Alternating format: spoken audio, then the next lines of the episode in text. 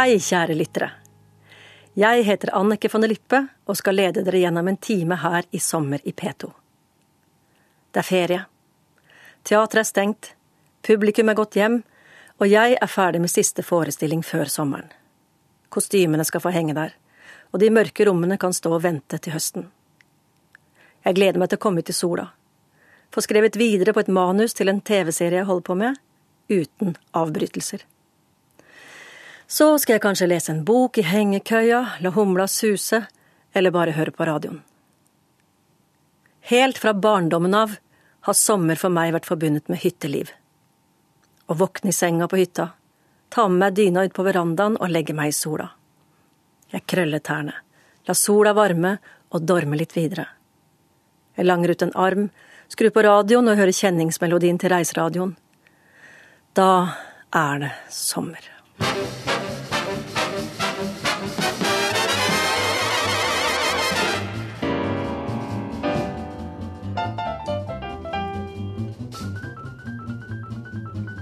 Jeg ligger og lytter, tenker på barndommen.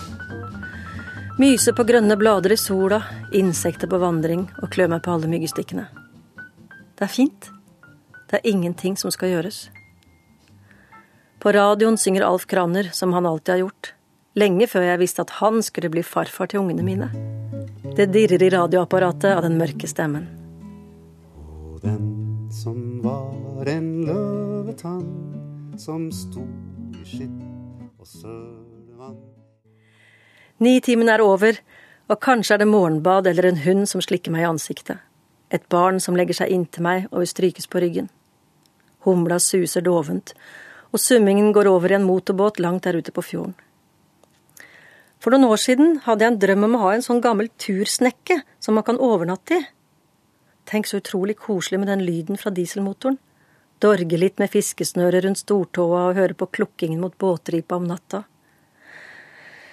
Men det er ikke så lett å få tid til å pusse båt, og mannen min Morten, som er vokst opp i Kragerø, vet hva det vil si å pusse båt om våren, og hvor mange timer det tar. Herregud, tenker jeg, kan man ikke ha trebåt da i våre dager? Jeg gir meg ikke så lett. Jeg ringer Båtforeningen i Stavern og spør om det er mulig å få leid en tresnekke noe sted og få leid en tresnekke? Ja. Nei, det tror jeg ikke du får. Ikke det, sier jeg. Nei, men, eh, men du? Ja, sier jeg forventningsfullt.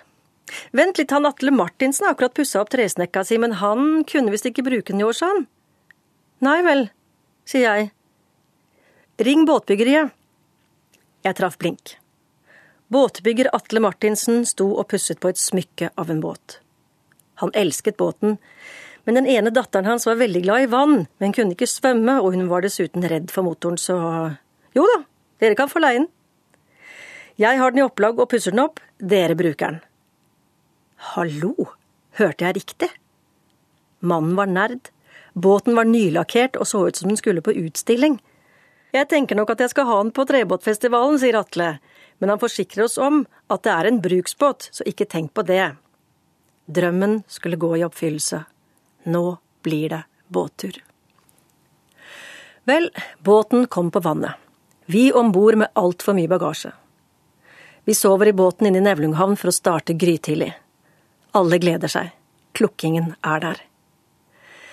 Vi våkner opp til striregn. Spiller ingen rolle. Men motoren vil ikke starte. Båtbygger Atle er mest opptatt av det som syns over vannlinjen, men motor og understell er det så som så med. Den må behandles som ei gammel dame, sier han. Vi gir den en liten dram. Men ingenting hjelper. Er det noe jeg kan gjøre, spør jeg. Ta med ungene, dette kan ta tid om det går i det hele tatt. Hjertet synker ned i magen. Kanskje skal ikke denne drømmen gå i oppfyllelse likevel. Ok, jeg tar ungene med, vi kjøper gule sydvester og litt regntøy. Nevlunghavn, som er en idyllisk liten perle med små hvite trehus, er plutselig helt forandret.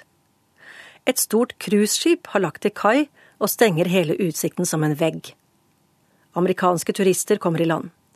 På brygga er det satt opp en desinfiserende antibakteriestasjon, hvor alle må vaske hendene sine før og etter besøket. Skipperen er fra Nevlunghavn og foreldrene hans har invitert alle cruiseturistene på et lite glass og TV-kake i hagen. 700 stykker i puljer. Gjestfriheten er det ikke noe å si på der. Ungene som kjenner fiskerne i havna, har fått noen makrell og står med den ferske fisken i hendene. Amerikanerne syns det er festlig og vil ta bilde av oss. Der står vi, the locals, med gule sydvester og fisk i hendene og poserer for turistene. Det er absurd. Vi kommer oss av gårde til slutt, og det blir en fantastisk tur. Vi tøffer av gårde. Jeg sitter på dekk i sola med gitar, sammen med ungene og synger, tuller og ler, mens de store, hvite plastbåtene cruiser forbi. De kikker overlegent ned på oss fra soldekkene sine med en drink og hvite sommerklær, og etterlater seg meterhøye bølger. Det er nesten som å kjøre folkevognboble på autostradaen, en skikkelig 70-talls familietur.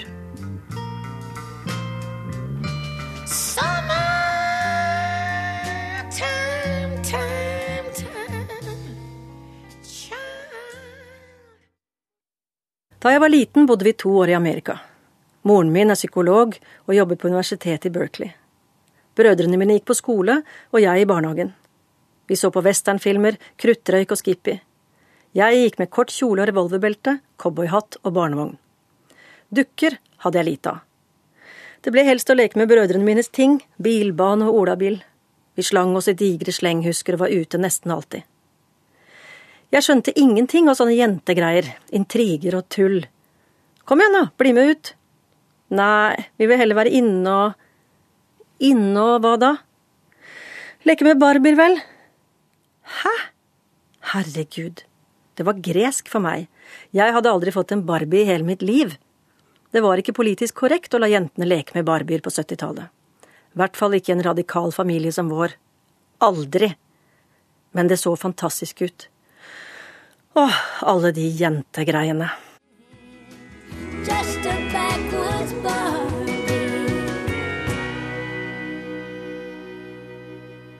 Brødrene mine og jeg brukte mye tid på å leke cowboy og indianer. Om sommeren var det tid for lekeslåssing. Jeg er forferdelig kilen. Det var nådeløst. Jeg ligger under vekten av broren min med armene fastlåst med sola i øynene. Jeg kjenner ennå følelsen, Latter og hyl som går over i gråt så jeg nesten mister pusten. Nei, ikke gjør det! Nåde, nåde, nåde, vær så snill! Stopp! Hold opp! Nei, jeg orker ikke mer! Mor prøver å redde meg, men de ga seg ikke. Det var noe av det morsomste de visste. Dere som har opplevd det, dere vet hva jeg snakker om.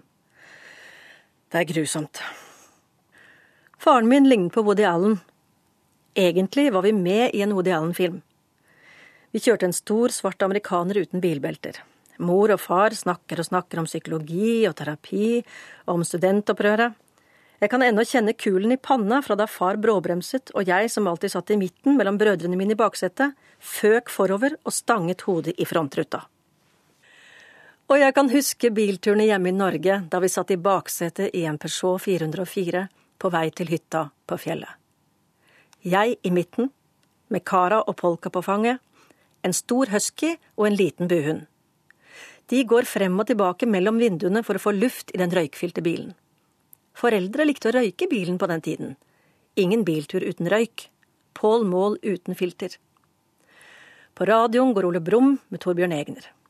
Brødrene mine syns det er gøy å lage lårhøner.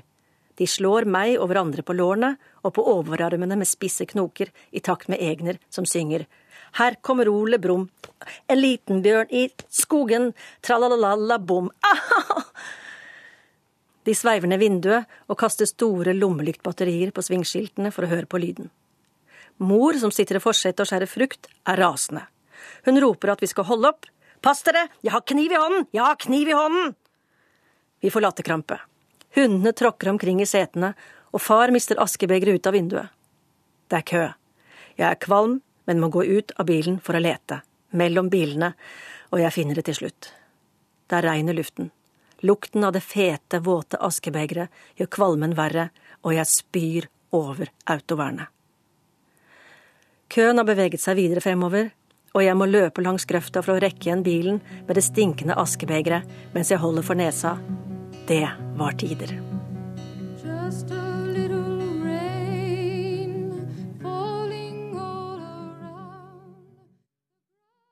Vi er på 70-tallet.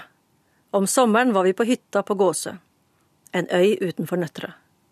Mor er pen og radikal og hører på John Baez, som hører til hennes tid i Amerika, hvor de sang protestsanger på universitetet. Hun synger med mens hun vasker opp. Hun er litt sur fordi barna ikke hjelper til det er tross alt ferie. Livet er enkelt. Ikke strøm, ikke innlagt vann. Vi må ut i båt om vi skal til butikken, men det er fredelig. Ikke et menneske. Vi bader nakne. Hav på alle kanter. En lang horisont med ferdig fyr som sveiper lysstrålen sin gjennom hytta om kvelden. Svaberg, furutrær som kroker seg. Det lukter sjø og revepiss. Det er far som limer med aralditt rapid. Han lager små oppfinnelser, han snekrer bord og reparerer kosteskaft og gamle økser, limer sammen ting litt provisorisk med aralditt og plastikkpadding, hyssing og teip.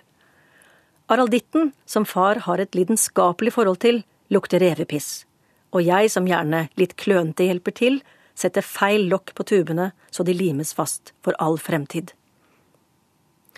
Far har kjøpt en batteridrevet håndvifte på reise og retter den mot glørne i peisen. Det flammer opp. Han utbryter entusiastisk Se, en elektrisk peispuster! Nye prosjekter er under planlegging, som å lage blåskjellfarm for eksempel. Et annet var å bygge utedo. En hel sommer bærer far og jeg digre steiner opp fra Rullesteinstranda for å lage grunnmur til en ny utedo. Der skal man sitte med åpen dør og se utover havet. Noen prosjekter er til for å gjennomføres, andre er bare til glede. Tom Lehrer, en av de kjente amerikanske satirikerne på 70-tallet, var noe som surret og gikk hjemme hos oss. Hør her. Oh, folks. Det er varmt. Husken Kara ligger under verandaen. Hun skriker litt underlig, og vi legger oss ned på magen og kikker ned gjennom sprekkene på verandadekket. Hun holder på å føde. Vi krabber under og hjelper henne. De små byltene presses ut, og hun slikker av dem slimposene. Biter av navlestrengene. Det er spennende. Tenk at hun vet alt hun skal gjøre. Ikke at jeg ikke har sett valpefødsler før. Polka fikk sikkert 30 valper. Hun fødte gjerne ut på isen. Noen tok vi i en sekk og solgte på Steinerskolens loppemarked for 50 kroner stykket. En av valpene er litt puslete. Kara legger seg oppå den. Jeg vil hjelpe den, men mor mener at sånn skal det være. Og jeg forstår at det er naturens gang. Den kommer ikke til å klare seg uansett. Dette vet Kara og ordner opp selv. Morsinstinktet våkner. Jeg går inn på rommet mitt og henter den mykeste frottéskjorten jeg har, den falmete røde, og legger den under valpene. Vi gir dem navn som Jason King og Tykkasen Brun, Brezjnev, ikke akkurat renrasede Siberians, men et gatekryss mellom vår Siberian Husky og det må ha vært Burre. En ubestemmelig bastard som alltid hang rundt huset når hunden hadde løpetid. Hunder gikk jo løse på den tiden. Vi visste godt når det hadde gått galt. Tispene kom hjem litt slukørete med pes på ryggen. Jeg tenker også på en annen overivrig beiler av en liten strihåret dachs, Charlie. Han fikk gjennomgå en kald vinterdag. Vi helte kaldt vann på han så pelsen frøs til is, og han pilte hjemover med halen mellom beina. Stakkars Charlie, det kunne ikke være ham, han hadde vel ikke rukket opp heller om han hadde fått sjansen, så korte ben som han hadde. Jeg putter knærne inn i Marimekko-nattkjolen og blir sittende og se på kara og valpene hele dagen.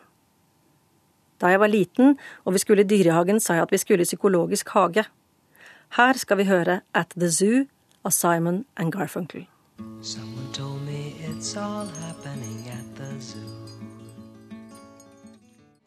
Om kvelden ligger jeg under korkbordet, sammen med hunden. Det er seint. Alle tror at jeg har lagt meg. Korkbordet som far har snekret, vakler litt og knirker. De voksne sitter og snakker. Vi har fått besøk fra Amerika. De bruker en hel masse fremmedord som gjør det umulig å forstå dem. De har teorier, de snakker om Freud, om nyere forskning. Bena skifter stilling under bordet. Mennene har tykke lærsandaler. Jeg undrer meg. De snakker om følelser og psykiske lidelser med akademiske stemmer som knirker i takt med bordet. Jeg fanger opp en historie om en pasient med vaskemani. Hun blir aldri ren og vasker seg til blods. Jeg ser ned på mine egne groskitne sommerbein, med skrubbsår og blåmerker. Hva vil det si å aldri kunne tørre å bli møkkete? Aldri kunne løpe barbeint og henge i trærne, spise jordbær og tygge kvae, eller få melkebart? Jeg ser for meg pasienten som fortvilet går rundt i rommet, frem og tilbake til vasken og skrubber og skrubber, livredd for bakterier og alt som er levende.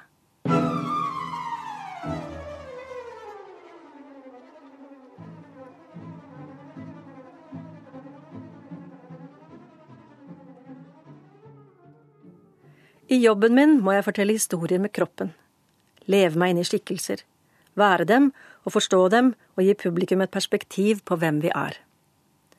Å skrive manus og skape en rollefigur på papiret er annerledes.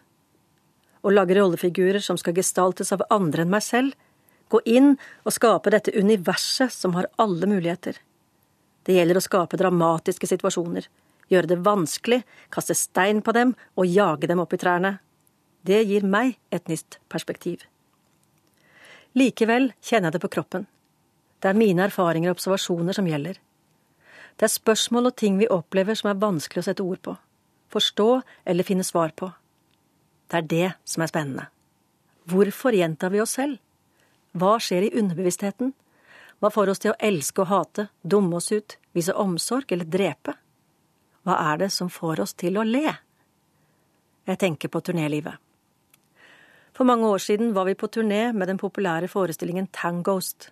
Det var Ibsen-jubileum, og dette var en tango-teaterversjon av Ibsens gjengangere.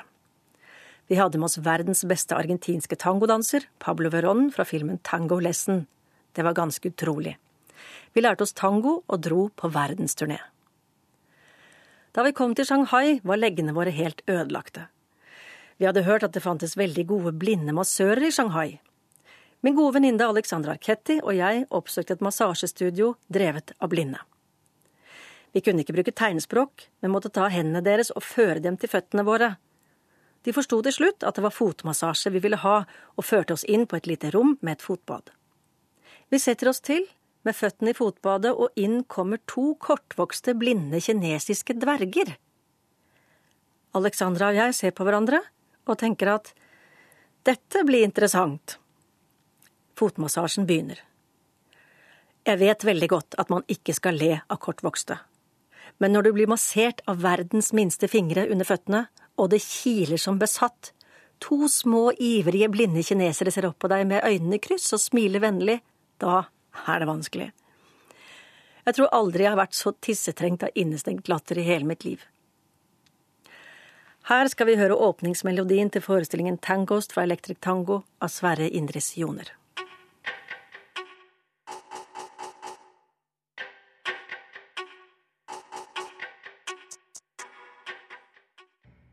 Men ikke alle somre har vært late med hengekøyeliv og sand mellom tærne. En sommer restaurerte vi den 700 år gamle Årestua som faren min og farfaren min flyttet fra Hardanger til tunet der jeg ferierer. Da var det å stå opp klokka sju om morgenen, ta på arbeidshansker og sette i gang. Et omfattende arbeid. Bjarne Lofthus ifra Høydalsmo, som arbeider for Riksantikvaren, kom med sine folk løftet opp stua med hydraulikk og satte inn nye teljede båndstokker. Det kom maurspesialister og skar ut stykker som hadde vært angrepet av stokkmaur i flere tiår. Da snekkerne var ferdig og jeg hadde smurt inn de nye stokkene med milebrent tjære, skulle det være kranselag som takk for arbeidet. Morten var på hytta og gjorde i stand, og jeg og ungene skulle komme fra Oslo med ferdig bacalao. Det er kø og utrolig varmt. Nedover Liebakkene før Drammen begynner å lukte mistenkelig svidd. Det ryker fra hjulene, og et lite stykke før Drammensbrua tenker jeg at dette er farlig. Nå begynner bilen å brenne hvis jeg ikke stopper. Jeg ligger i venstre fil. Køen er tett, og jeg må svinge inn mot autovernet på midtrabatten. Krise. Hva er det med disse bilene, tenker jeg og leter febrilsk etter varseltrekanten, men finner den ikke. Det er i sånne situasjoner man skulle vifte med armene i været og rope Jomfru i nød! Hva gjør man? Jeg finner de selvlysende crocsene til jentene, noen rosa gummistøvler og et par tomme vinflasker. Det får gjøre nytten. Jeg setter dem i en pen vifteform ut fra bilen, så køen må kjøre utenom. Så ringer jeg NAF. De har mye å gjøre, men kan komme om en halvtimes tid. En halvtime? Herregud, jeg må få sagt fra at jeg er forsinket. Pulsen går. Bilisten som kjører forbi, ser på scenarioet med vinflaskene og gummistøvler, vinker og smiler. Er ikke det hun skuespilleren, så gøy! Jeg smiler anstrengt. Jo da, det stemmer det, hei, hei, hei. Til alt hell kommer en venninne kjørende forbi. Hun ler, er snill og tar med seg ungene mine og kjører videre. NAF kommer ikke. Mobilen går tom for strøm, og der sitter jeg på autovernet. Jeg er jo egentlig allergisk mot stress. Jeg har lært meg at når det blir stress, får man ingenting gjort. Da er det bare å lene seg tilbake. Jeg blir sittende på autovernet og dingler med beina og later som jeg er på en filminnspilling med mye venting. NAF-bilen kommer. Mannen ser på meg og rister på hodet. Jeg tror jeg er gæren, jeg, jente. Du kan ikke stå her, det er jo livsfarlig. Så ser han ned på mitt provisoriske varseltrekantprosjekt, bestående av barnesko, gummistøvler og vinflasker. Han ler oppgitt, men fantasien, den er ikke noe i veien med. Her litt musikk jeg pleier å høre på i bilen hvis jeg kjører langt.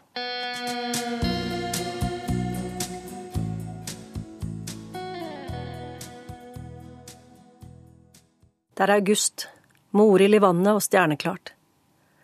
Jeg er på besøk hos mor på Gåsø og ligger i sengen med døren åpen. Natten er varm og myk som fløyel. En gresshoppe smeller mot veggen. Den er stor og grønn, sitter stille og ser uekte ut, som plastikk. Skal den være her hele natten? På radioen er det et intervju med en ung mann som har kjøpt enveisbillett til Mars. En atferdsterapeut som forsker på mennesker i ekstreme situasjoner, snakker om naivitet. Sannsynligvis vil mennesker som ikke har en retrettmulighet, utvikle en rask depresjon og få panikk. Jeg tenker at hun har rett, men her snakker vi tross alt om mennesker som vil bo på en annen planet. Mannen som vil til Mars, sier at dette er hans største drøm, og hvis han får realisert drømmen sin, så vil han gjerne dø på Mars. Vi skal jo alle dø, så hvorfor ikke på Mars? ved alle vårt, tenker jeg, og legger meg til rette under dyna som lukter litt mugg, som hos mormor.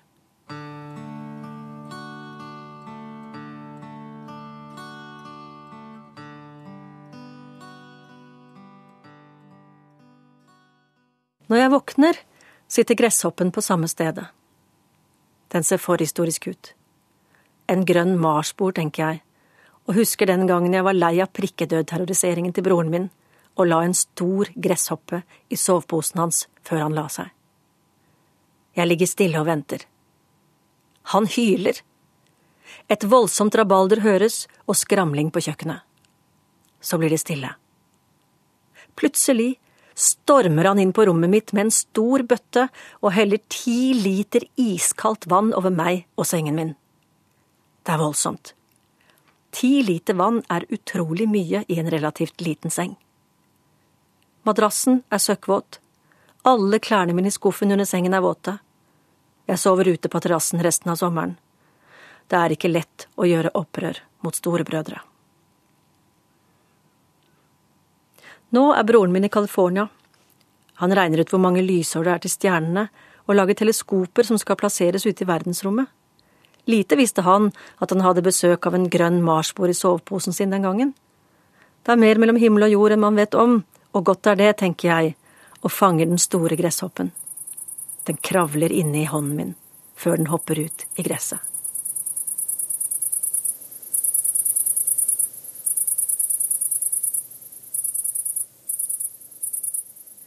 En sommer er jeg og den minste datteren min, Klara, på besøk hos mor. Klara er lei seg fordi mormor har sagt noe dumt om en av tegningene hennes. Hun ringer faren sin og forteller at vi har fisket krabber, og at mormor er dum. Morten sier at hun skal gjøre som moren sin. Legg en krabbe i sengen hennes.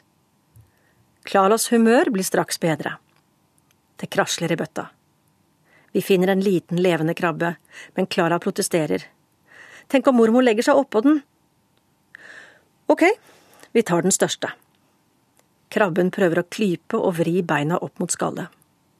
Tenk om hun blir sur, da, sier Klara.